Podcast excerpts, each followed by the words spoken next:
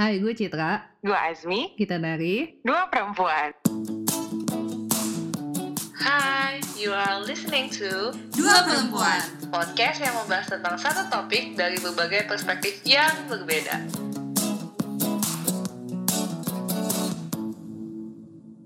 Eh, kita udah lama nggak podcastan nih, Iya jadinya rada-rada aneh kalau ngomong. Lo kayak Gimana kabarnya Citra? lo kayak jauh banget gitu. Kenapa, Mi?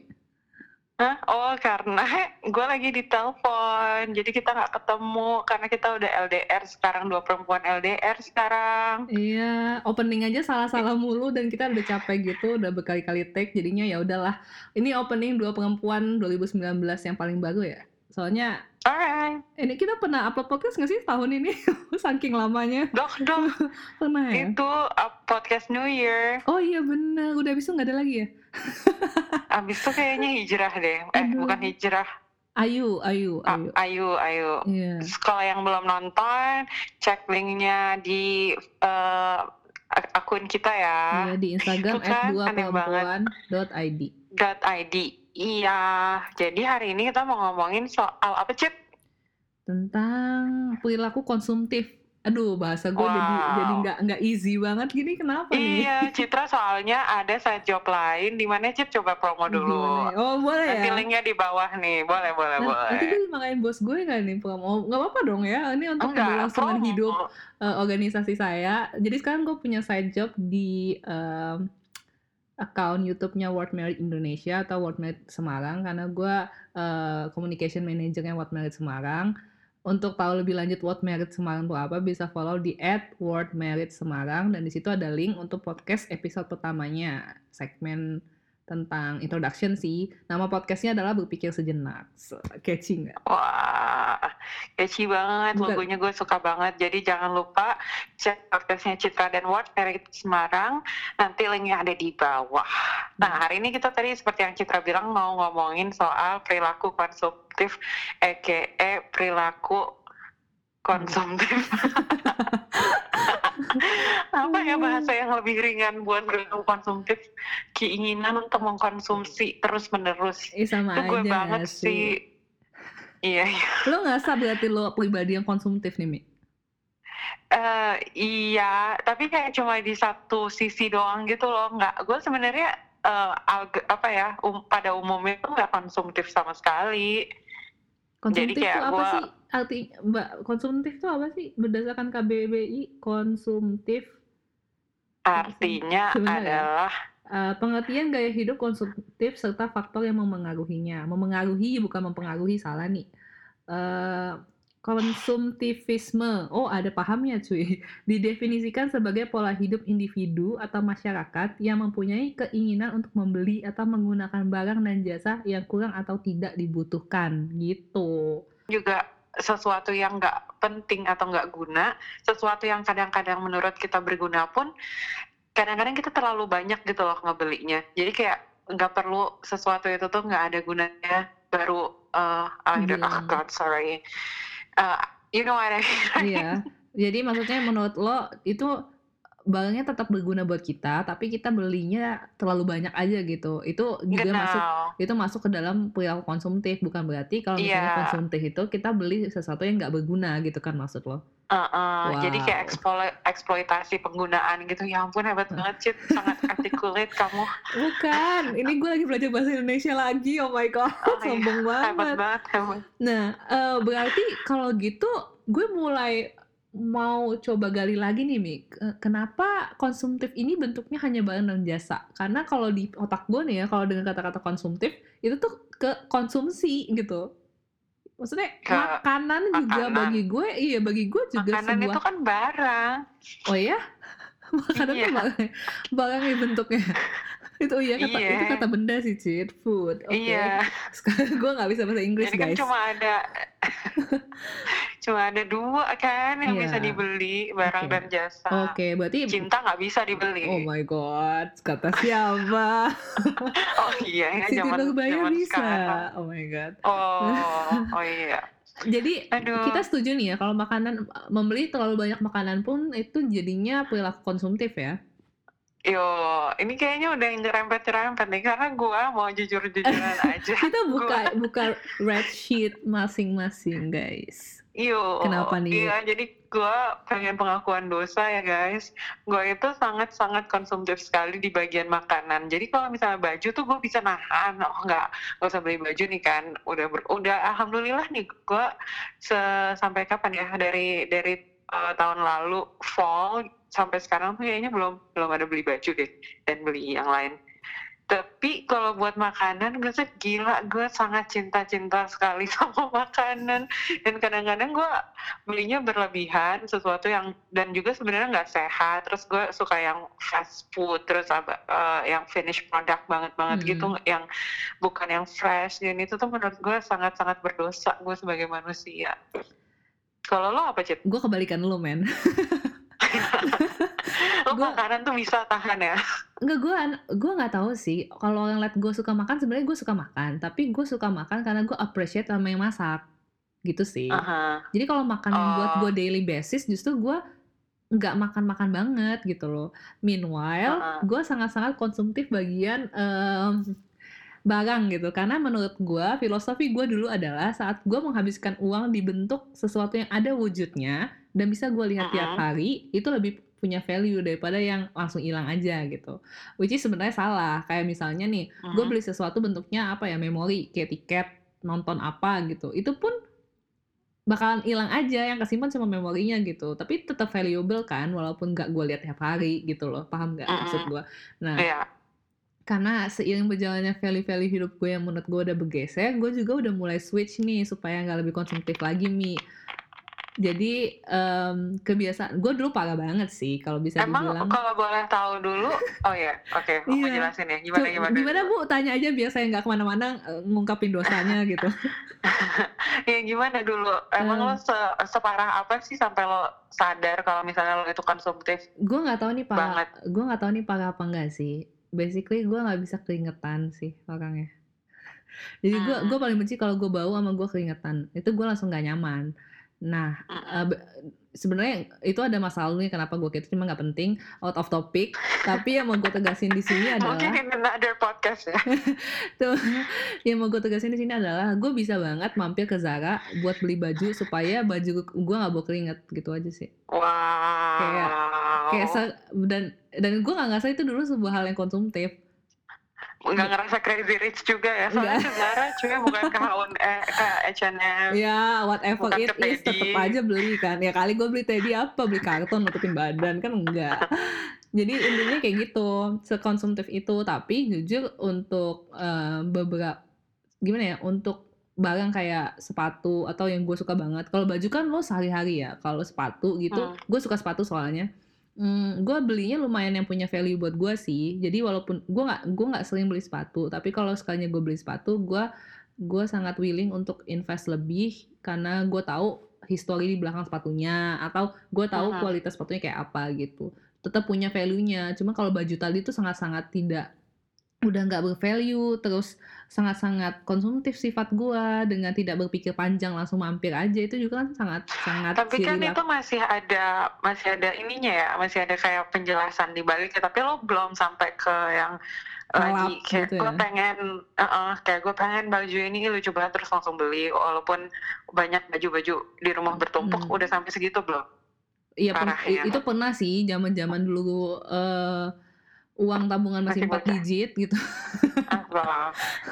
uang tabungan digit masih euro ya guys empat digit. Empat digit Jadi suka kayak gitu. Dulu gue gue ingat banget pertama kali gue ke Berlin, gue baru kenal yang namanya Primark.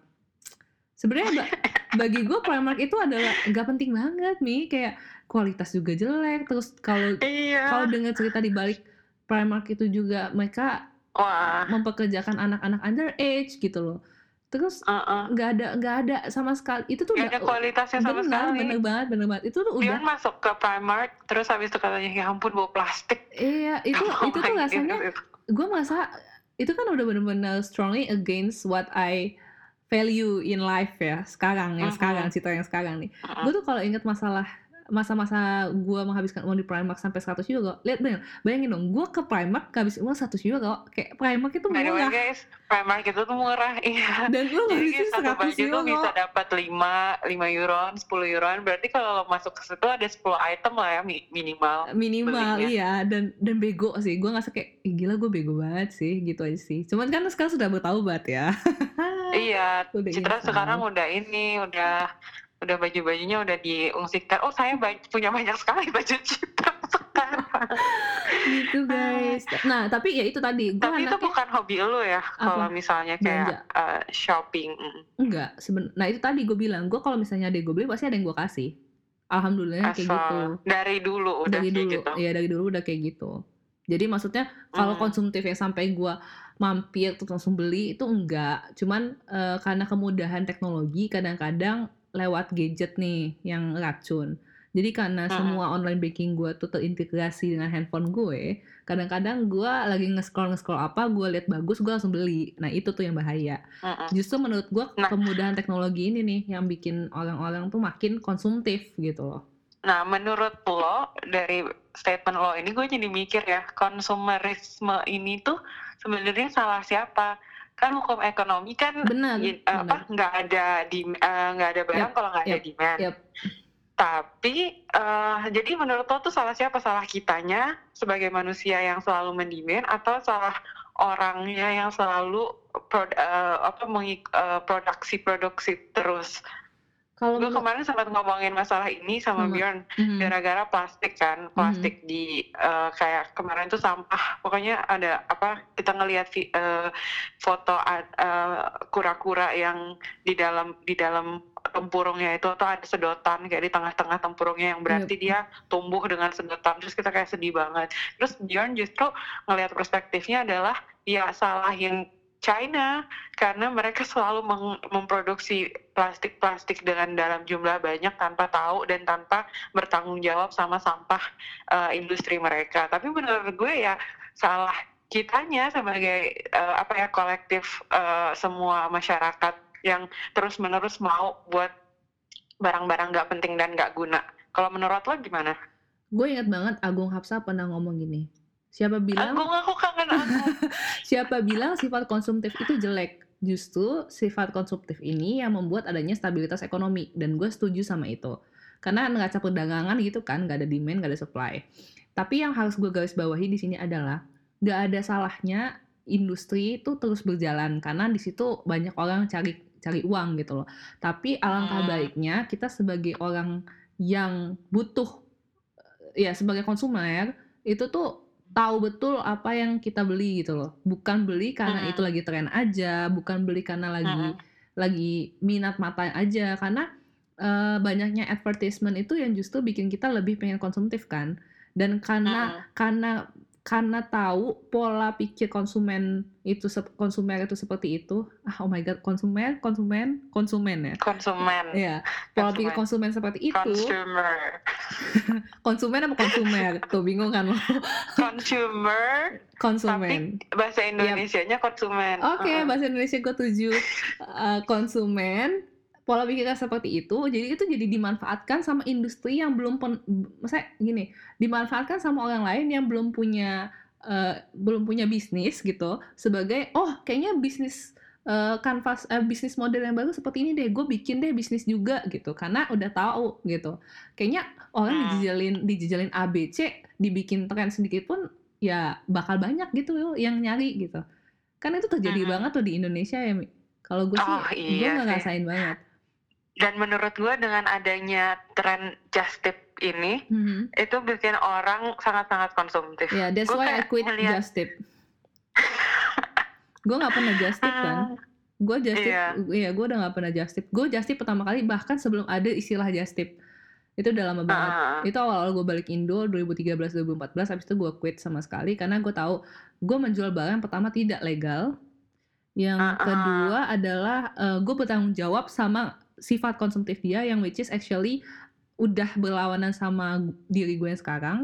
Dan yang Iya. ketiga bagi gue mereka sebenarnya ya kalau mau lihat baiknya Soalnya- juga ada, cuman tetap bagi gue banyak buruknya jadi gue nggak mau Iya, melakukan itu sih gue tuh beneran kayak ngeliat kan orang-orang kalau posting jasip kan, eh "Eh, gue lagi jalan ke sini, ini ada kaos kaki, ada ini, ada ini." Terus gue lihat kayaknya ini kalau ca- dicari Di di, Indo, Indonesia tuh iya. juga ada. Iya, iya.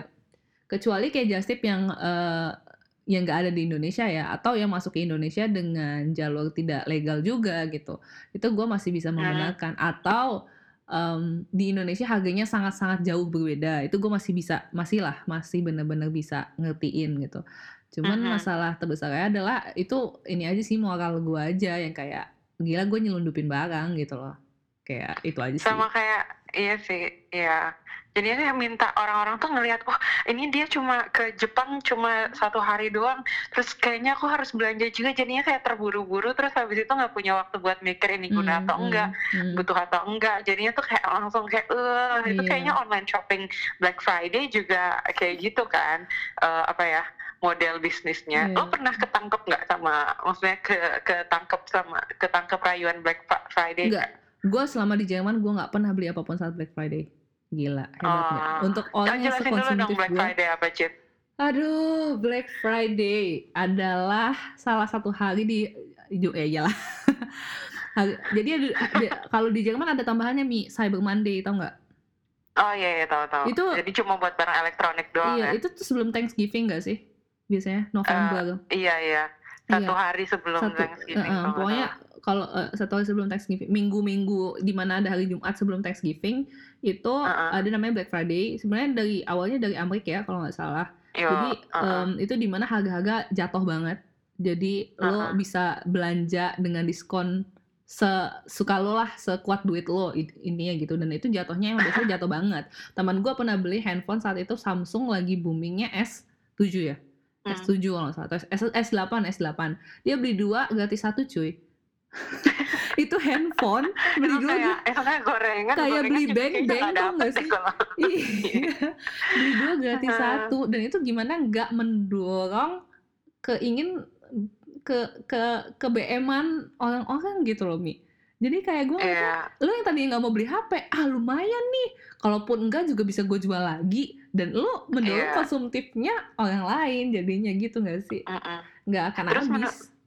Iya, dan gue juga ngeliat efek konsumtif ini sangat-sangat berdampak buruk menurut gue buat eh, society. Yap. Karena kayak jadinya tuh kan orang-orang berlomba-lomba buat punya beli barang, punya barang, pu- bukan punya sesuatu skill yang malah enriching their life or their, their the soul knowledge mhm. atau their skill. ya Tapi tuh mereka malah lomba-lomba punya barang. Jadi Iya. ujung-ujungnya ya lomba-lomba buat punya duit, punya duit, punya duit aja. Iya. Jadi ya hidupnya kurang apa ya? Kurang eh, meaningful. Not fulfilled. Iya, Iya. kurang meaningful. Uh-uh. Terus exactly kalau lo bisa nambahin nggak ada yang menurut lo dampak-dampak di society apa aja?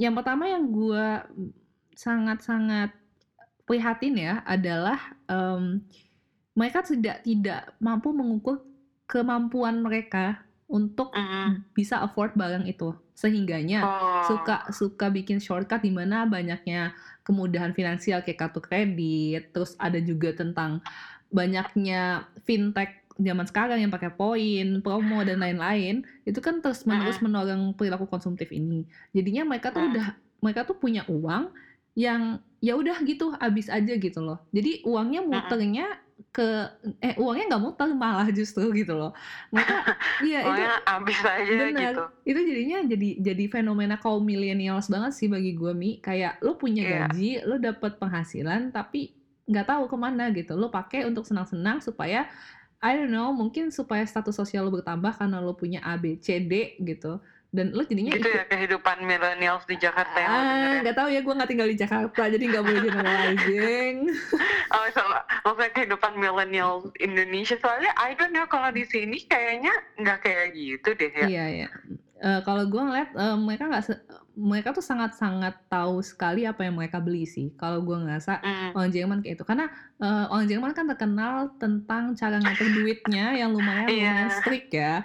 Bah- Dan Orangnya sih in general mereka tuh kalau apa-apa tuh mikir dulu Iya. sampai ke ujung dunia Iya. baru melakukan sesuatu Iya, kan. ini ini gue bisa bisa dapat apa nih kalau kalau nganuin ini nih gitu kan. Uh, uh, uh, uh. Jadi dengan dengan kebiasaan berpikir yang seperti itu jadinya jadi perilaku baik juga. Jadi mau apa pun uh, jenis iklan yang ada di luar sana, kalau mereka Mm-mm. merasa nggak butuh, itu menurut gua mereka nggak akan lakukan. Kecuali ini satu hal sih, menurut gua sama aja kayak Indo.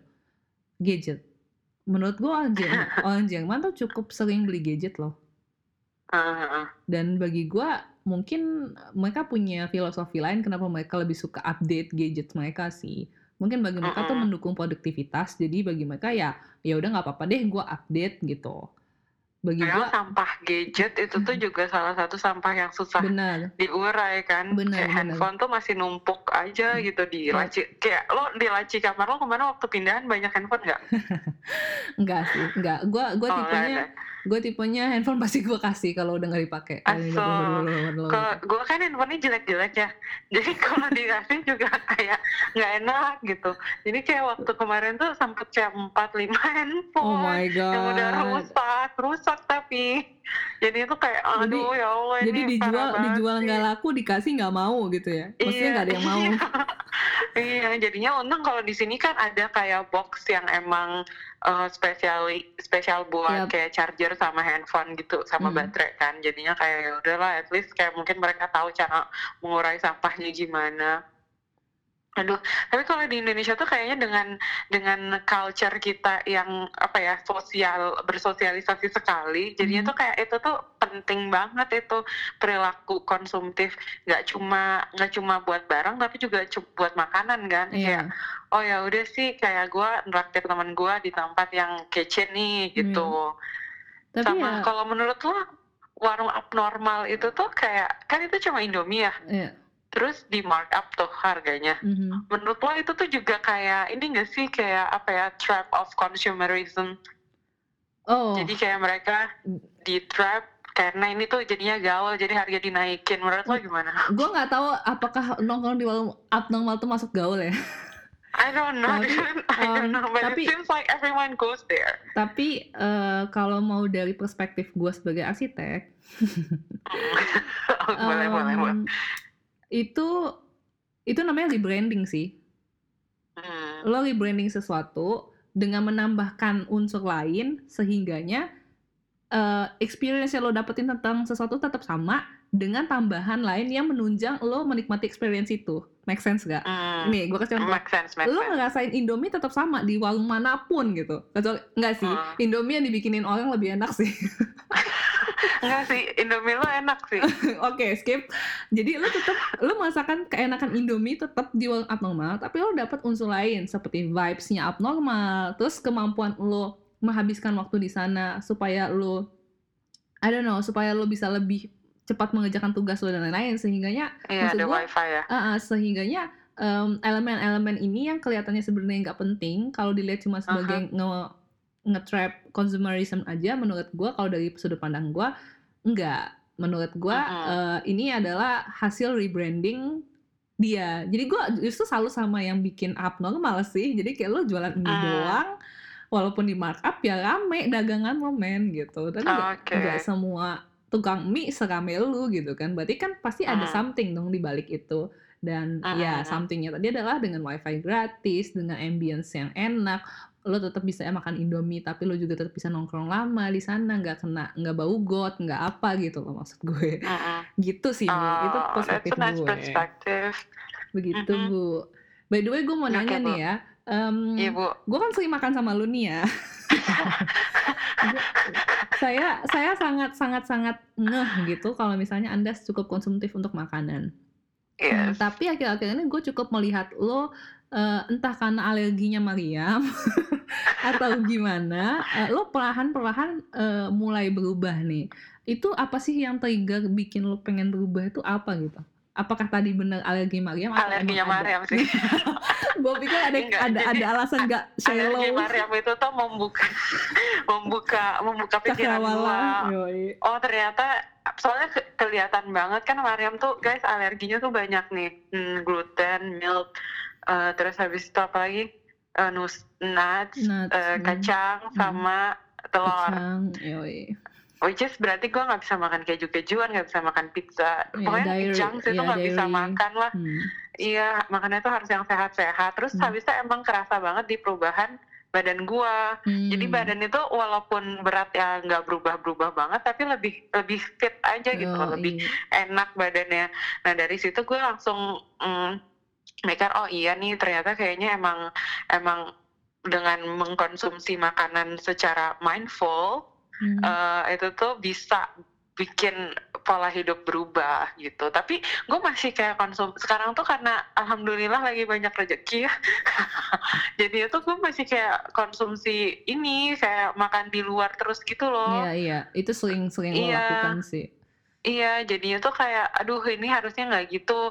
Tapi, ah, kayak kan lagi eh, ribet sama apa ya, lagi pokoknya tuh kayak masak itu tuh bukan prioritas gue kan sekarang. Mhm. Jadinya tuh, eh, tapi kan kalau lo masak bukan prioritas, lo masak yang simpel-simpel gitu kan. Mhm. Alhamdulillah masak yang simpel. Kalau Iya. gue tuh tetap suka, Beli. apa ya, lidah gue, lidah gue Hmm. tuh banyak BM-nya gitu loh. Iya. Kan Berarti kalau lo tuh bagus Eh, waktu bagus. dulu konsumsi konsumtifnya itu tuh bukan karena BM kalau gue tuh karena BM jadi menurut gue itu yang susah untuk dihilangkan ini curhat guys Berarti nafsunya, nafsu ke BM-an Waduh, betul ini sekali yang yang betul harus sekali di berarti berarti itu ya mungkin ya constraint paling awal dari orang adalah nafsu. Tapi kalau lu nggak punya duit, lu bakal hilang dengan sendirinya nggak sih nafsu lo itu? iya Iya kan? iya Jadi menurut gua kalau tapi waktu kenapa? dulu nggak punya duit banyak makanan itu tetap jadi prioritas Oke.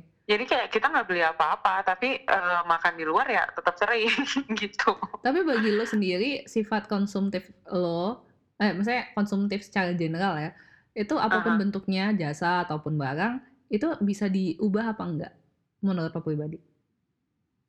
Eh, bisa sih harusnya tapi itu kan susah sekali ya Berarti mau apa enggak ya, bukan bisa atau iya tidak tapi mau apa enggak. Karena gua iya gue sih karena karena gue addictednya sama nggak addicted sih, karena gue cenderung konsumtif ke pakaian, gue bisa merubah itu pertama mungkin karena gue nggak punya duit ya. Jadi gue pelan-pelan pelan-pelan hmm, ya mengubah itu gitu. Cuman gue lebih sekarang ngerasa bahwa ini tuh baju ya, Cit. Ya paling apa sih dia bisanya apa sih gitu loh. Jadi gue sekarang lebih pikiran gue adalah gue nggak mau beli baju itu, gue nggak mau beli baju lagi kalau baju itu tidak benar-benar memberikan ya tadi value buat gue. Gue nggak tahu dia dibikin gimana, gue nggak tahu material ini sedahsyat apa gitu-gitu loh. Kadang gue ngeliat nih ya, gue mau gue lagi mau coba minimalis banget kan, dan lagi berjalan juga. Eh cuma karena gue lagi udah mulai kerja, jadi sometimes butuh-butuh belanja. Tapi sampai sekarang gue belum belanja apa-apa sih. Nah. Oh belum jadi belanja celana? belum dong, jangan dong nanti aja kalau Wow, butuh. Nah, kan butuh bu. belum belum belum masih bisa. Eh by the way lanjut. Terus gue lihat nih, gue lihat kalau misalnya dari segi desain ya, kan biasanya mahal ya. Mm-mm. Kalau yang punya value itu biasanya mahal ya. Aduh mahal Nah banget. Belum lagi iya, kan gue sekarang juga mau nyari dompet. Terus dompet gue ke toko fair trade lah nih. Terus oke, mahal, terus iya. sedih. Makanya jadi gue kayak, jadi karena gue mau cari yang ada value, tapi yang ada value itu mahal, terus gue nggak Mm. punya duit, jadinya ya udah gue nggak belanja gitu. jadi Iya jadi exactly, that's exactly what I do now. Iya, jadi jadi berubahnya itu karena faktor-faktor yang tidak mendukung ini. Tapi mungkin gue nggak saya gini, once gue punya uang, mungkin gue akan kembali, gue akan membeli itu gitu. Mm-mm-mm. Tapi Tapi tetap mindful tapi kan. tetap mindful benar. Nih, gue kasih tahu ya, gue pernah bilang kalau gue tidak akan beli iPhone lagi. Ini gue klarifikasi secara online. Tapi toh ternyata gue beli iPhone lagi. Karena Hmm. gue tahu sejak dulu gue pakai iPhone dari hampir 9 tahun yang lalu, udah lama loh gue pakai iPhone. Wow, wow. Makanya. Apa sih iPhone eh, iPhone girls itu disebut apa sih? iPhone apa? Apple Nggak ta- nggak ada ya? fangirl. Apaan? Oh, ya, oh ya, Apple fan, fanboynya iPhone. Iya, Iya, gue iya, Apple fangirl. Gue pertama kali punya Ah. iPod itu 2010, S- mau ke 11. Ah, Nah, gue tahu value apa aja yang ada di belakangnya dia dari penciptaannya, seberapa dia sangat revolusioner dan lain-lain. Jadi untuk ngelepas itu dan saat itu saat gue masih pakai BlackBerry, gue pernah bilang ke diri gue, saat gue punya uang, gue akan beli itu. Berarti itu punya value Mm-mm. dong buat gue, bener nggak? but have you ini kan Apple udah bukan sama Steve Jobs lagi. Iya tapi Terus ta- habis itu tapi history udah history behind beda. behind it gitu loh Mi kayak kayak kayak lo ngerti gak sih kayak lo anak kecil lo pengen beli mobil-mobilan dari lo Iya. zaman kecil mau yang berubah ya apa tapi mobilnya tetap sama dong maksudnya itu seperti gimana ya lo mengenal dia saat lo masih kecil gitu ngerti gak sih jadi itu Eh. itu apa ya itu kenang tapi kan kegunaan penting. iya doh kalau jadi ngeros gue sih pokoknya bagi gue gue gue gue melihat itu gue jujur gue tidak pernah beli barang karena gengsi sungguh. Hmm. bagi karena bagi gue sangat sangat apa ya Gue juga nggak pernah, nggak ngerti gue logikanya Iya, di mana kan yang pakai lu, yang nyaman atau enggaknya lu Iya, ngapain beli karena orang. jadi jadi gue mau beli apa pun yang gue punya sekarang satu gue eh, sebenarnya jarang minta ortu kecuali ortu melihat gue sangat butuh itu.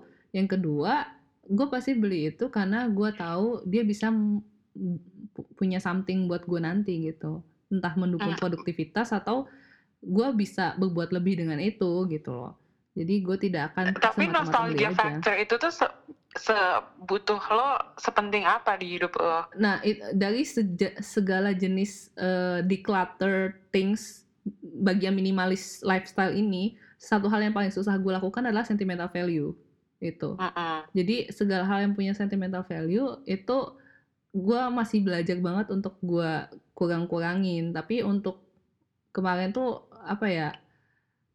Gue gue toh nggak beli Apple nggak nggak beli iPhone paling baru kan mi? Karena gue tahu eh, iPhone Mm-mm. paling baru itu tidak se revolusioner iPhone yang satunya. Ya udahlah kalian tahu lah. Dan harganya nggak nggak ini kan? Iya dan dan nggak udah nggak rasional, udah sangat quality. kapitalis sekali gitu dan dan dan gue gue salut banget sama cara Apple ngeperangkap eh, fangirl dan fanboynya dengan membuat ekosistem sedemikian rupa sehingga lo nggak usah escape dari situ susah gitu loh dengan kemudahan Hmm. akses dan lain-lain. Lo tuh kalau punya Mac, lo punya Apple, nggak tahu ya orang yang yang bisa bandingin pasti yang udah pernah pakai Apple terus ganti Android gitu loh. Itu itu Hmm. itu beda banget rasanya. Dengan kemudahan-kemudahan akses lo bisa transfer dan lain-lain tuh enak banget satu cloud data kalau lo ganti ganti apa-apa tuh lo nggak perlu transfer data lo karena ada di Ini- cloud bla bla segala Ini nggak macam. disponsori sama Enggak, Apple enggak, guys. enggak. Tapi kalau mau juga boleh.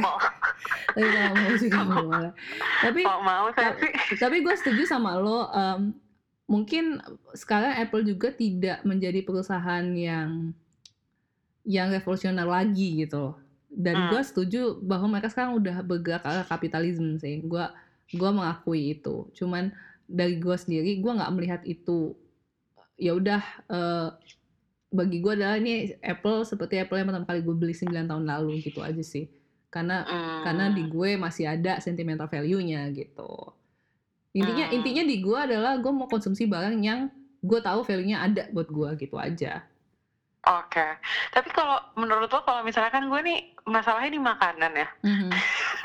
Terus jadinya gue harus gimana nih mindsetnya biar gue tuh enggak BM mulu.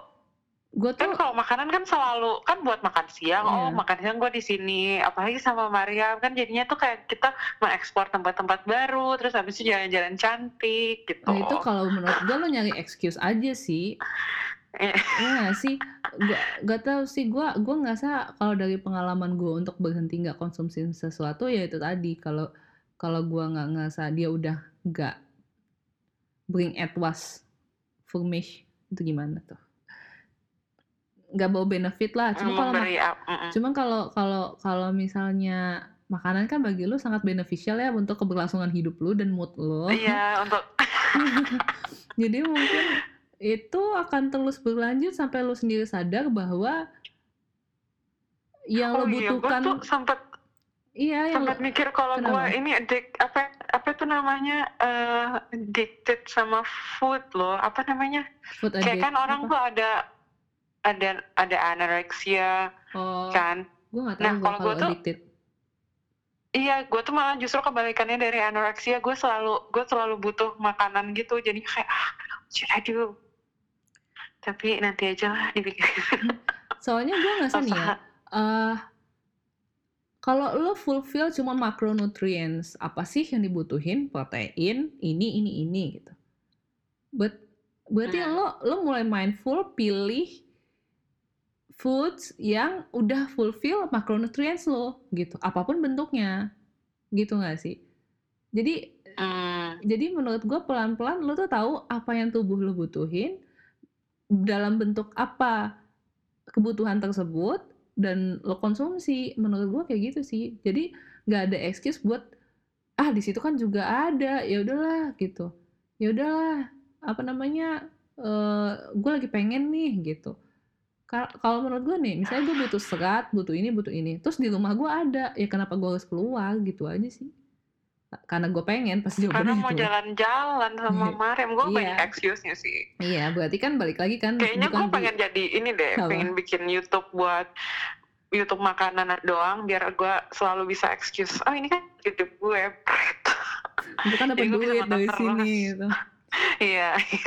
Oh itu satu Ya lagi sih media sosial mendukung banget sih sifat konsumsi konsumtif setuju nggak sih lo? Iya, setuju banget. Apalagi dengan eh, selebgram-selebgram Hmm. ini. Gua- Aduh, gila Gue sih. sebenarnya Ada ada Kenapa? ya yang beli dari apa dari selebgram itu, dari promo selebgram itu ada yang beli walaupun produknya nggak make sense. ada banyak kan yang beli. banyak Nggak makanya percaya, nggak kayak nggak bisa percaya gue. gue tuh gue tuh pernah gue ke mana nonton videonya Raditya Dika kan gue suka sama cara dia Yang mana sih? eh, pokoknya dia pernah bahas tentang minimalism udah lama banget nggak lama banget sih mungkin dua bulan yang lalu. Nah terus dia kemarin mulai bikin eh, video yang judulnya clickbait yang kayak traktir makan 4 juta gitu gitu ngerti gak sih? Oh. Nah gue tuh udah enak banget sih sama kayak gitu-gituan. Dan Raditya Dika yang gue selalu ikut Gak selalu ikutin Maksudnya yang lumayan gue ikutin Youtuber Indo Melakukan hal itu tuh Jadi menurut gue kayak Hah apaan sih? gitu. Tapi terus dia gue, gue tonton kan Yang gue yang gue sayangkan dari dia adalah Yaitu em, Dia udah sangat tahu Minimalism itu seperti apa segala macam Bisa dia invest Tapi dia makan berlebihan Tanda kutip ya Ngerti nggak? Ah, bukan dari ah. segi quantity tapi dari segi harga gitu loh kayak tapi kan dia tuh ini doing that for content bukan sih? Gua itu kan kerjaannya gua dia. rasa sih enggak. Gua rasa sih awalnya Ah, enggak. Karena kalau kalau gua ikutin vlognya ya dia kalau makan memang lumayan royal kan. Ya sama kayak lo. Ah. ya basically ya dia sama barang juga gitu. Cuman maksud gua kayak sayang aja nggak sih? Kalau gue baca komen-komennya tuh yang kayak ya ampun bang 4, 4, 4 juta bisa bayar kuliah gue setengah semester. Ngerti nggak? Oh. gue tuh jadinya kayak wake up Raditya Dika.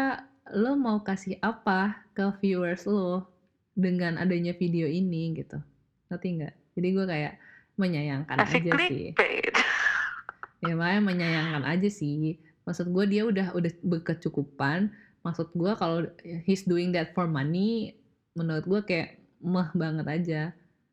Hmm. kayak eh, dia punya power dan dia punya uang harusnya he can do something better than that gitu sih. Hmm. Itu guys Itu ya Bang Radit, Bang Radit, ya ampun. siapa gue yang nasihatin Raditya Dika ya kayak udah bener aja. Enggak, tapi menurut gue everybody has like their own guilty pleasures. Kan gue anaknya uh, anaknya alasan banget gitu kan. Jadinya kayak ya mungkin dia trying buat jadi minimalis di tempat yang lain, tapi emang makanan susah gitu. Ya nggak Mungkin apa-apa kayak as long ada- as he tries hard Lo ada gak sih tapi guilt, guilty pleasure kayak gitu? Atau kalau kalau misalnya udah commit sama satu terus langsung full semuanya kan lo di-commitin? gue Iya, ini minyak mancing. Biar confess. apa nih I always keep my words jadi Iya. ya udah ngapa enggak enggak. Iya iya berhenti berhenti. Udah. Nggak ada tuh kayak ayo ayo ke mana nih obrolan?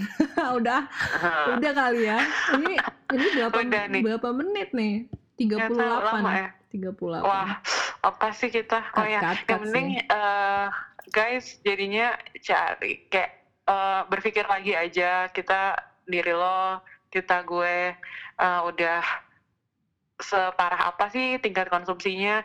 Ini kita belum apa ya ngelisin betapa buruknya konsumsi sebenarnya di society loh ya baru yang kayak surface-nya doang kalau misalnya Hmm. teman-teman cari di internet itu kayak ya ketimpangan sosial kayak yang kaya makin kaya makin yang miskin makin Setuju. miskin ya gara-gara konsumerisme juga Iya. Terus dampak buruk buat lingkungan, dampak buruk ke kitanya juga banyak, kayak uh, not healthy, terus habis itu barang juga numpuk di rumah, bikin Yep. sampah, terus dari lingkungan pokoknya banyak banget deh, jadi kayak search everything about consumerism, minimalism in YouTube or whatever, Tapi by the itu way, dari gua. by the way kalau misalnya eh, emang seru banget dibahas tema ini menurut gue dan juga luas banget, kita bisa bikin episode berikutnya sih. Eh mau dong, Iya sih kita soalnya lebih gue kan masih, iya Heeh, heeh, mau mau, kita lebih gue nih bahas masih tentang mau ngomong sama lu tentang cara membeli baju. Jadi kayak apa sih yang harus dipikirin sebelum membeli baju? Kayaknya bahas itu yuk next episode. eh, gue siapa ada cara membeli baju Enggak, lo kan Kita. itu seben, eh, nantilah di next episode lah Oke, ya. ya oke gitu guys. Jadi di next episode mungkin kita akan eh, beneran jabarin ya konsumerisme ini nanti dampaknya ke lingkungan tuh separah apa, terus jadinya menumpuk sampah gimana bla bla bla dan juga mungkin ngasih tips trik kali ya untuk eh, bener-bener membeli barang yang bener-bener kita butuhkan dan kita gunakan gitu sih. Oke, ada lagi nih. Komen tentang what's your things, what your what's your sin, dosa lo apa di konsum konsumtif di bagian paling yang mana? Hmm. Iya. Iya, dan komit kom- komit atau enggak mau mau berubah gimana mau berubah atau enggak nanti siap eh, kita searching aja kali ya mungkin dari beberapa pengalaman yang udah insaf gitu nanti kita bisa Ah, ah, share juga di podcast selanjutnya oke Yuhu. Eh, Oke, terima As- kasih Citra. terima kasih Asmi Asmi dan Citra signing out bye Bye.